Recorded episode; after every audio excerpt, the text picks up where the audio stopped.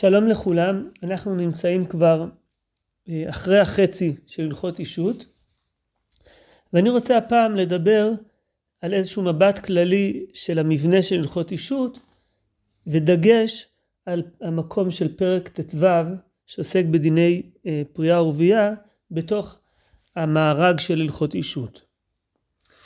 אז כשאנחנו מסתכלים אה, במבט מלמעלה על הלכות אישות אפשר לראות את הנושאים שהרמב"ם מדבר עליהם באופן כללי, ואני אפרט את הדברים.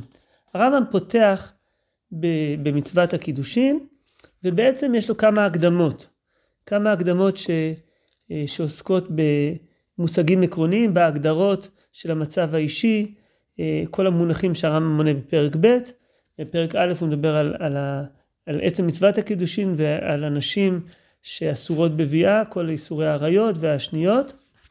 ובעצם מפרק ג' הרמב"ם מתחיל לעסוק בדיני הקידושין. אז יש לנו שני פרקים שהם סוג של הקדמות יותר. בפרק ג' עד פרק ט' הרמב"ם עוסק בדיני הקידושין. החל מסדר הקידושין ושאר הפרטים עד פרק ט'.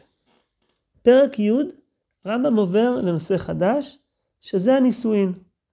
הוא מתחיל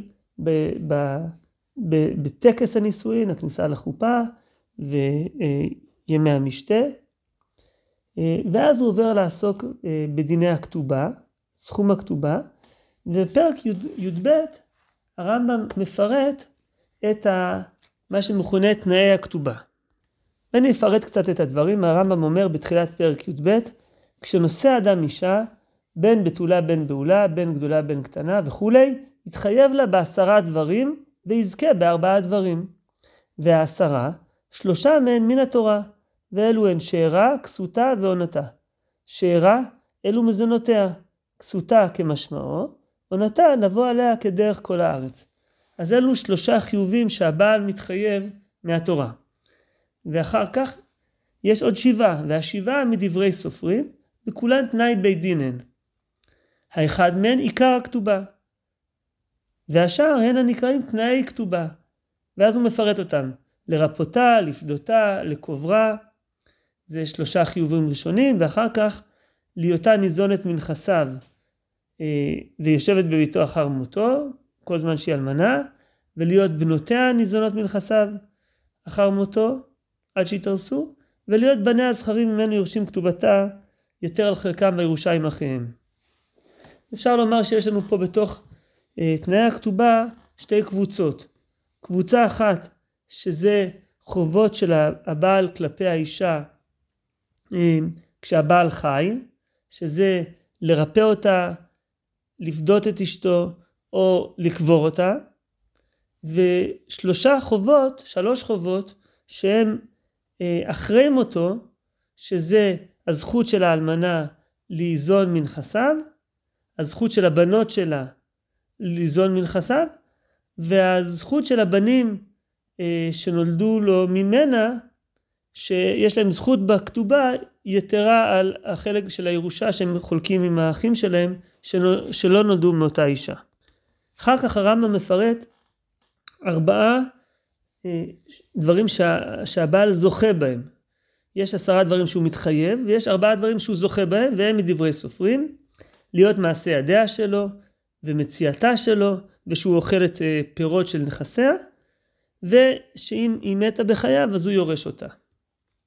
אחרי שהרמב"ם מפרט את כל אה, עשרה הדברים, עשרת הדברים ש, שהוא זוכה בהם, ש, שהוא מתחייב בהם, סליחה, והדברים, ארבעת הדברים שהוא זוכה בהם, הרמב"ם מתחיל לפרט את הדברים.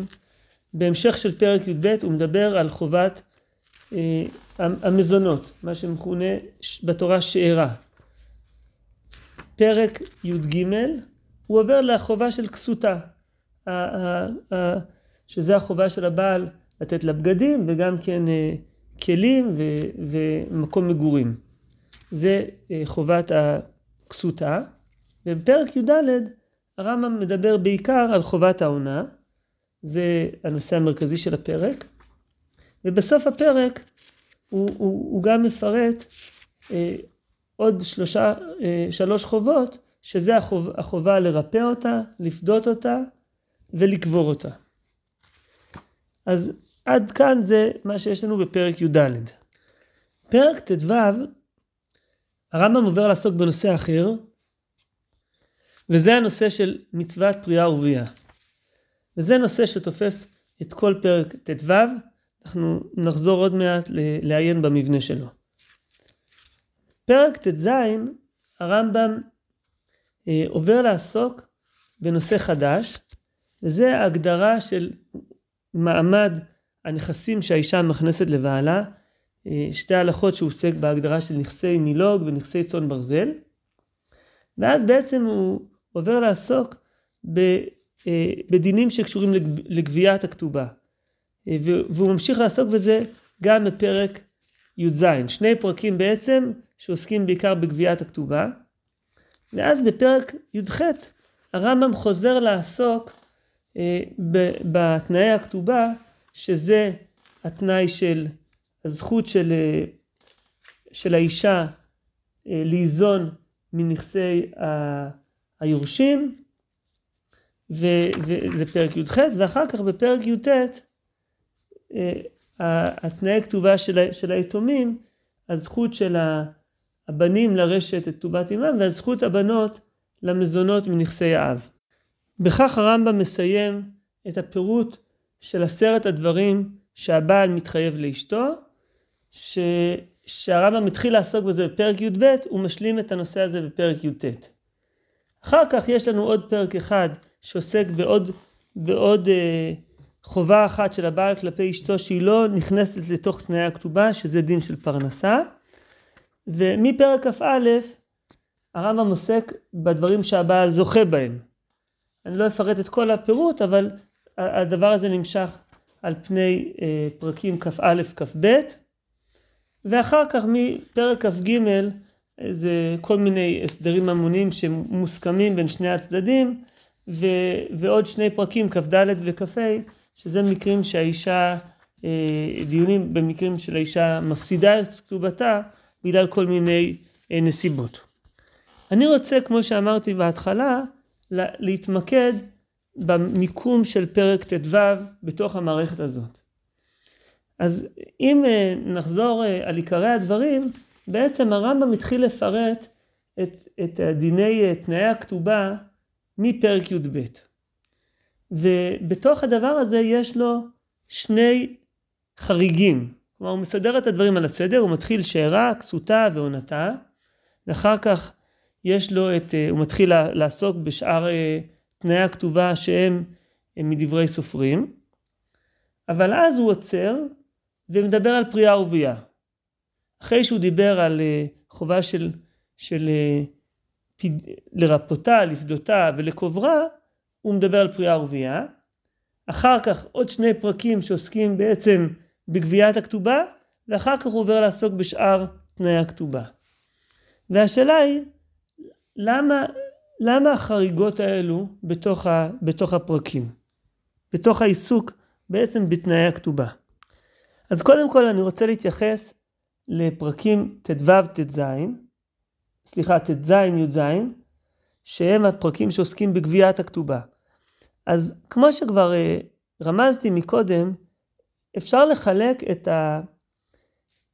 את תנאי הכתובה לשניים. יש תנאי כתובה שנוהגים בזמן ש...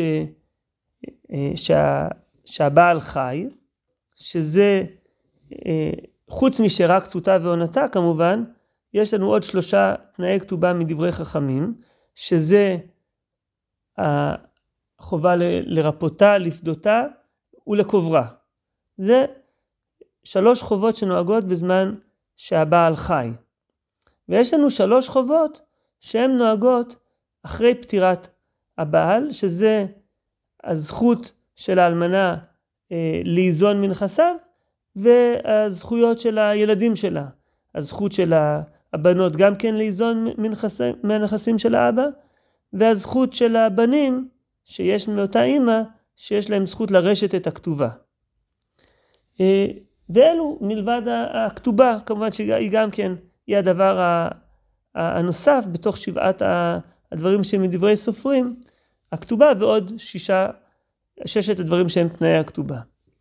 אז בעצם אפשר לומר שהרמב"ם אה, אחרי שהוא עסק בחובות שנוהגים בחיי הבעל, לפני שהרמב"ם עובר לעסוק בחובות לאחר פטירתו, הוא מדבר על בגביית הכתובה, מכיוון שבעצם גם הכתובה היא חלק משבעת החובות שמדברי סופרים, שבע החובות שהם מדברי סופרים, ואז הוא עוסק בגביית הדין של כתיבת, כתיבת הכתובה, הרמב"ם כבר כתב אה, בהתחלה בפרק י"א, הוא הזכיר את זה כבר בפרק אה, י', ו...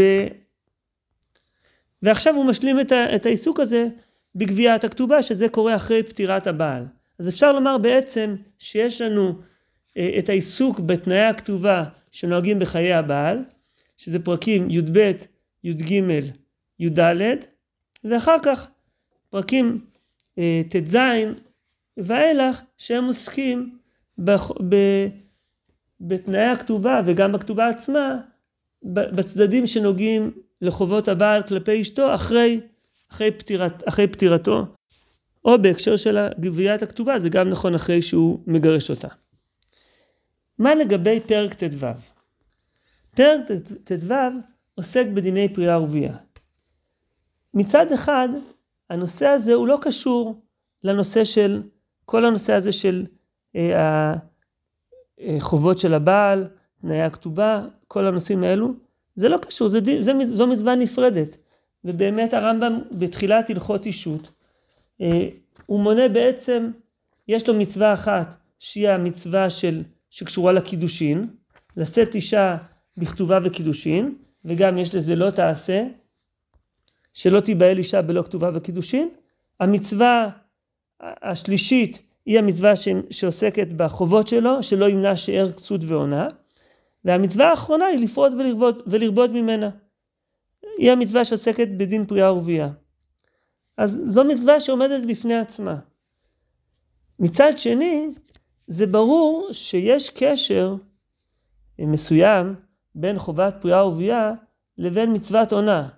אמנם זה לא, אה, זה לא בדיוק אותו דבר, חובת עונה אה, אה, היא, היא חובה שהיא קיימת גם ללא, ללא המצווה של פריאה ורבייה. גם אם אדם קיים מצוות פריאה ורבייה הוא לא נפטר מחובת עונה.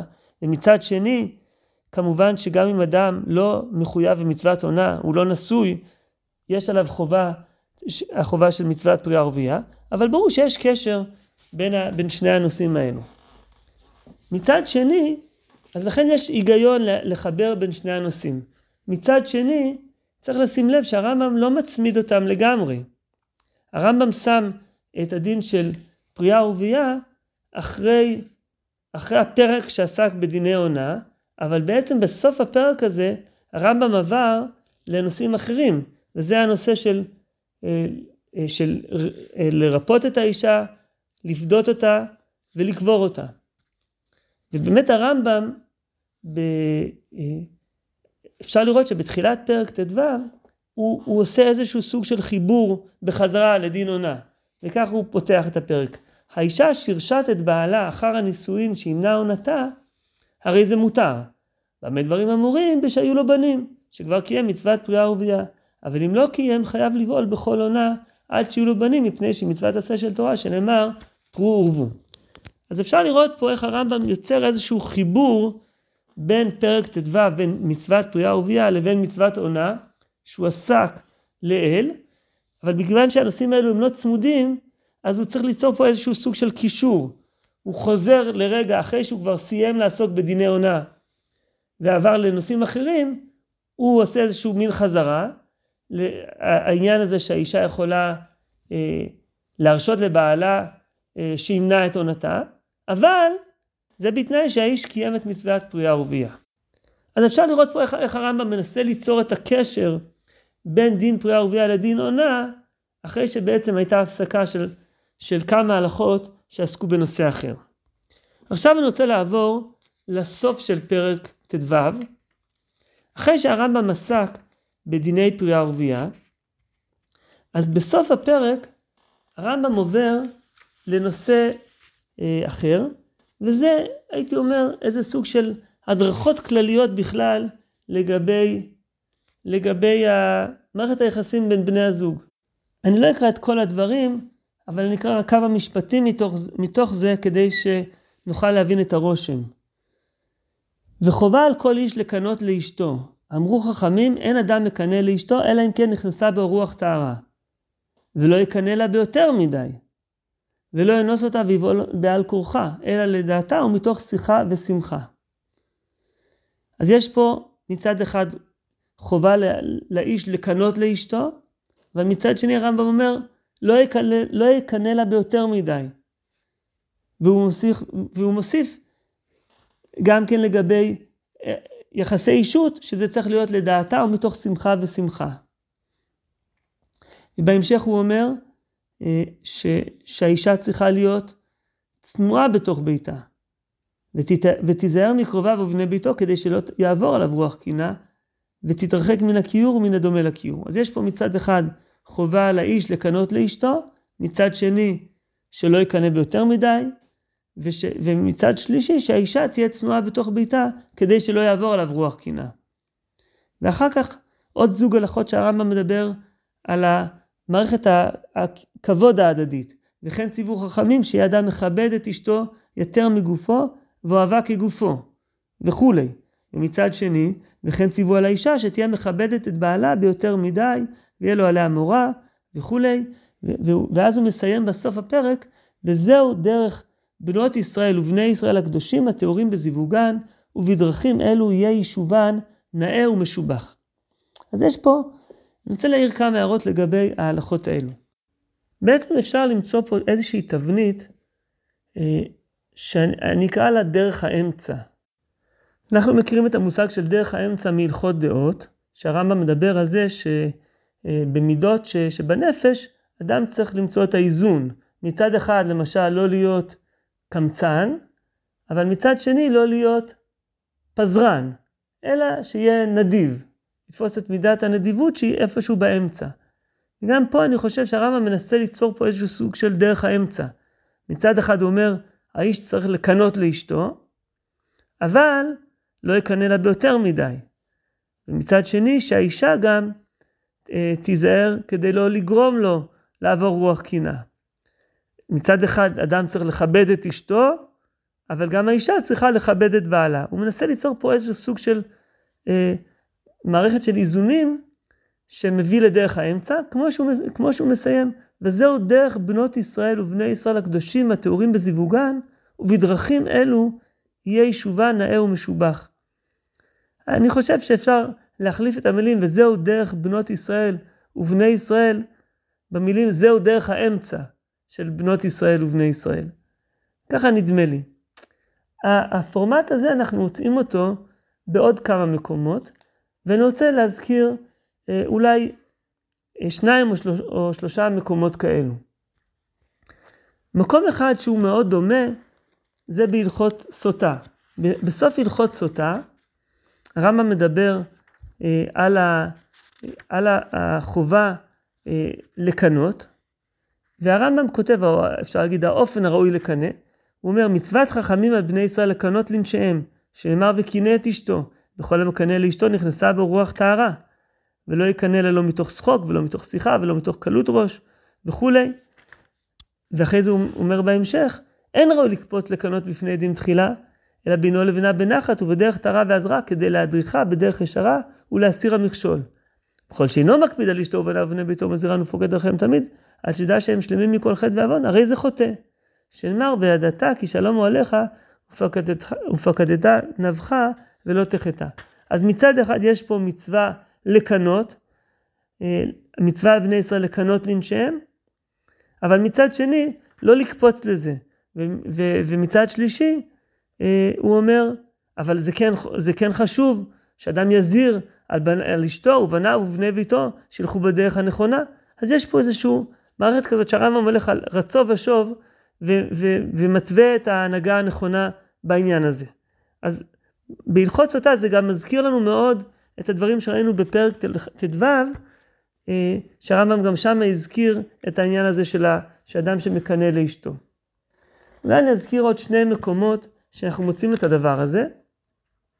אחד מהם זה בסוף, בסוף הלכות עבדים. בסוף הלכות עבדים, שבסוף ספר קניין, הרמב"ם מדבר על היחס שצריך להיות כלפי עבדים. הרמב"ם כותב בפרק ט' בהלכה ח' בהלכות עבדים, מותר לעבוד בעבד כנעני בפרך. ולפני זה הוא גם כן דיבר על, על כל הצדדים שאדם יש לו זכויות ביחס לעבדים שלו. אבל אז הוא אומר, ואף על פי שהדין כך, מידת חסידות ודרכי החוכמה, שיהיה אדם רחמן ורודף צדק, ולא יכבידו לא על עבדו, ולא, יצ... ולא יצר לו ויאכילו וישקהו מכל מאכלו ומכל משקהו, וכולי וכולי.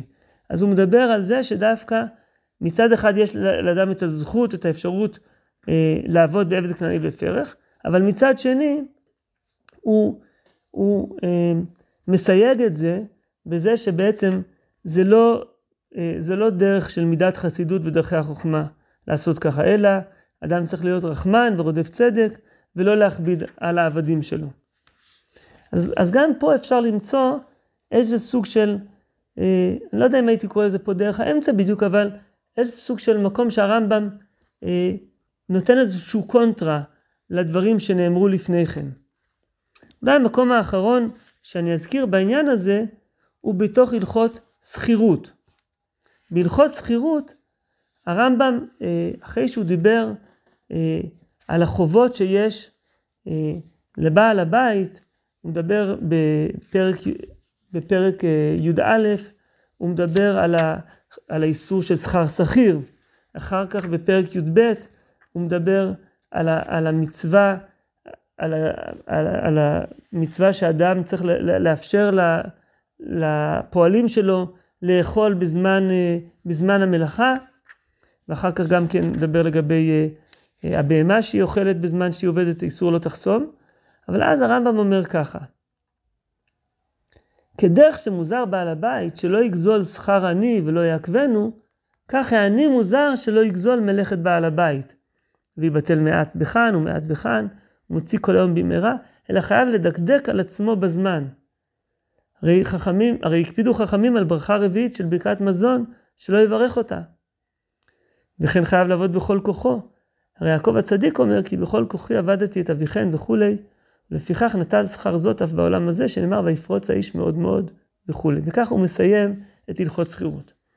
אז אני רוצה רק אה, להגיד איזשהו, בעקבות ההשוואה הזאת בין ה, המקומות הללו, אני רוצה להעלות איזשהו אה, מכנה משותף ביניהם, ואחר כך איזשהו הרהור שיש לי, אה, שאני אומר אותו בתור, בגדר של שמע.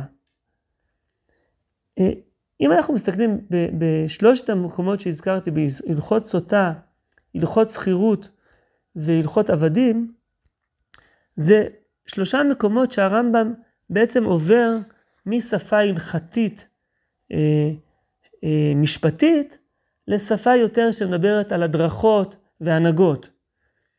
אה, הוא מזכיר, אה, יש בה איזשהו ניחוח גם אגדתי קצת, וחלק מהדברים שם גם הם דברים שהרמב"ם בעצמו אומר, אה, לא על סמך מקורות חז"ל, הוא מביא פסוקים, וזה סוג של הדרכות כלליות כאלו. כלומר, הוא אמר לנו את הדינים של נושא מסוים, אבל עכשיו הוא מביא לנו איזשהו מבט נוסף, שהוא סוג של, אפשר לומר, נותן עוד, עוד מבט על הנושא הזה. אחרי שדיברנו בשפה הלכתית, הוא עובר לשפה יותר מוסרית, איך ראוי לנהוג, ו, ונותן לנו את, את, את, את הנוסח הזה של הדברים. אה, בשלושת המקומות, מלבד בהלכות אישות, הדבר הזה נמצא בחתימה של, ה, של הנושאים האלו, בחתימה של החטיבות, החטיבות הללו. בסוף הלכות שכירות, בסוף הלכות עבדים, ששם זה גם סוף של ספר, ובסוף הלכות סוטה, שגם שם זה סוף של ספר נשים. אנחנו יודעים שהרמב"ם באופן כללי, הרבה פעמים הוא חותם חטיבות הלכתיות בדברי אגדה, דברי מוסר, אז זה מתאים, מתאים ל, ל, לסגנון הזה של הרמב"ם. בהקשר הזה, כשאני חוזר להלכות אישות ולהלכות פריאה ורבייה, הרמב"ם אה, מביא את זה באמצע הלכות אישות. ופה אני רוצה להעלות איזשהו ערעור אה, שאין לי שום דרך לבסס אותו ולהוכיח אותו, אבל אני גם, אני לא רוצה להימנע מלהציע אותו. והמחשבה שלי שאולי פרק ט"ו היה אמור להיות בסוף הלכות אישות. אה, והסיבה היא בגלל שכמו שאמרתי, דיני פריאה ורבייה בעצם הם נושא נפרד. הם נושא נפרד מהנושא של אה, חובות הבעל אה, כלפי אשתו וזכויות הבעל ביחס לאשתו. זה דין נפרד, שהוא לא קשור בעצם למערכת היחסים בין האיש והאישה. ויכול להיות שבאמת הרמב"ם תכנן לשים את, את הפרק הזה בסוף הלכות אישות, ו, ו, ובאיזשהו שלב הרמב"ם שינה את המיקום. אנחנו יודעים, אה, אין לנו כידוע את הכתב יד של הרמב"ם למשנה תורה, אבל יש לנו כמה קטעים של טיוטות של הרמב"ם לכמה מקומות בתוך משנה תורה, ואנחנו יודעים שהרמב"ם לפעמים עשה שינויים אה, גדולים ממה שמופיע בטיוטה למה שמופיע בנוסח הסופי. הרמב"ם הזיז הלכות ממקום למקום, שינה סדר הלכות בתוך פרקים, וגם הזיז הלכות לפעמים אפילו מספר אחד לספר אחר. יש לנו דוגמאות כאלו מהטיוטות של הרמב"ם. ולאור זה אני אומר, שאולי הפרק הזה, כמו שאמרתי, דיני פריאה ורבייה היו, היו אמורים להופיע בסוף הלכות אישות. וכך הרמב"ם כתב את זה בהתחלה, אלא שאחר כך, בעריכה הסופית, הוא העביר את זה אה, לפרק ט"ו, כי הוא רצה להסמיך את זה לדיני, אה, לדיני עונה, לחובת עונה. אם נלך בדרך הזאת, אני חושב שאפשר, לה, זה יכול להסביר לנו כמה דברים. דבר אחד, זה הדינים שמופיעים בסוף פרק י"ד, דיני אה, רפואת האישה, אה, פדיונה וקבורתה, שמפרידים בין דיני עונה לדיני פריאה ורבייה. ברגע שהרמב"ם כבר שיבץ אותם איפה שהוא שיבץ, כבר זה לא היה פשוט כל כך להזיז אותם, מכיוון שהן אה, הלכות שלא תופסות פרק שלם, ולהזיז אותם לפרק הבא זה כבר הנושא של של uh, הכתובה, גביית הכתובה זה לא נושא קשור. אז הרמב"ם uh, השאיר אותם בתוך הפרק של עונה, ואז בתחילת פרק ט"ו הוא עשה איזשהו מין קישור כזה, החזיר אותנו לדיני עונה בפתיחה של הפרק כמו שקראתי מקודם. הדבר השני, זה הסוף של פרק ט"ו. כמו שאמרתי, הסוף של פרק ט"ו הוא מתאים להיות חתימה של כל הלכות אישות. באמת, אם נסתכל בסוף, אם נקפוץ רגע קדימה, לסוף הלכות אישות, הלכות אישות, אישות נגמרים באיזשהו סיום מאוד לא מרומם, אפשר לקרוא לזה. הוא מדבר שם בהלכה האחרונה, אה, מי שהיה בעלה בעל ריח פה או ריח חותם או מלקט צורת כלבים וחוצה בהן הוא מת ונפלה לפני אחיו ויש בו באותו המום שהיה בבעלה, יכולה היא לומר לאחיך הייתי יכולה לקבל ולך איני יכולה לקבל ואחלוץ וייתן כתובה. זה סיום מאוד לא מרומם. אז אנחנו, אנחנו יודעים שברור שהרמב"ם לא מסיים כל יחידת הלכות באיזשהו סיום מרומם. לפעמים אין, אין, זה לא מתאים. אבל בהלכות אישות, 25 פרקים, היה מתבקש שהרמב"ם מסדר את הדברים באופן כזה. ואני חושב שהסיום של הלכות, של פרק ט"ו, שמדבר על מערכת היחסים בין בני זוג, הוא מאוד מתאים לחתום את דיני אישות. ולכן אני אומר שאולי, אולי באמת זה היה התכנון המקורי. אלא שאחר כך הרמב"ם משיקולים אה, שהיו לו, החליט להסמיך את הדין הזה לדיני עונה, ו- ו- ולכן בעצם החתימה שהייתה לו זזה לאמצע הלכות אישות. אז זהו, זה, זה, זו המחשבה שיש לי, כמו שאמרתי, אין לי דרך להוכיח אותה. אם יהיה למישהו איזשהו רעיון אה, לתמוך את הרעיון הזה, או גם איך לפרוח אותו, אני אשמח לשמוע. תודה רבה.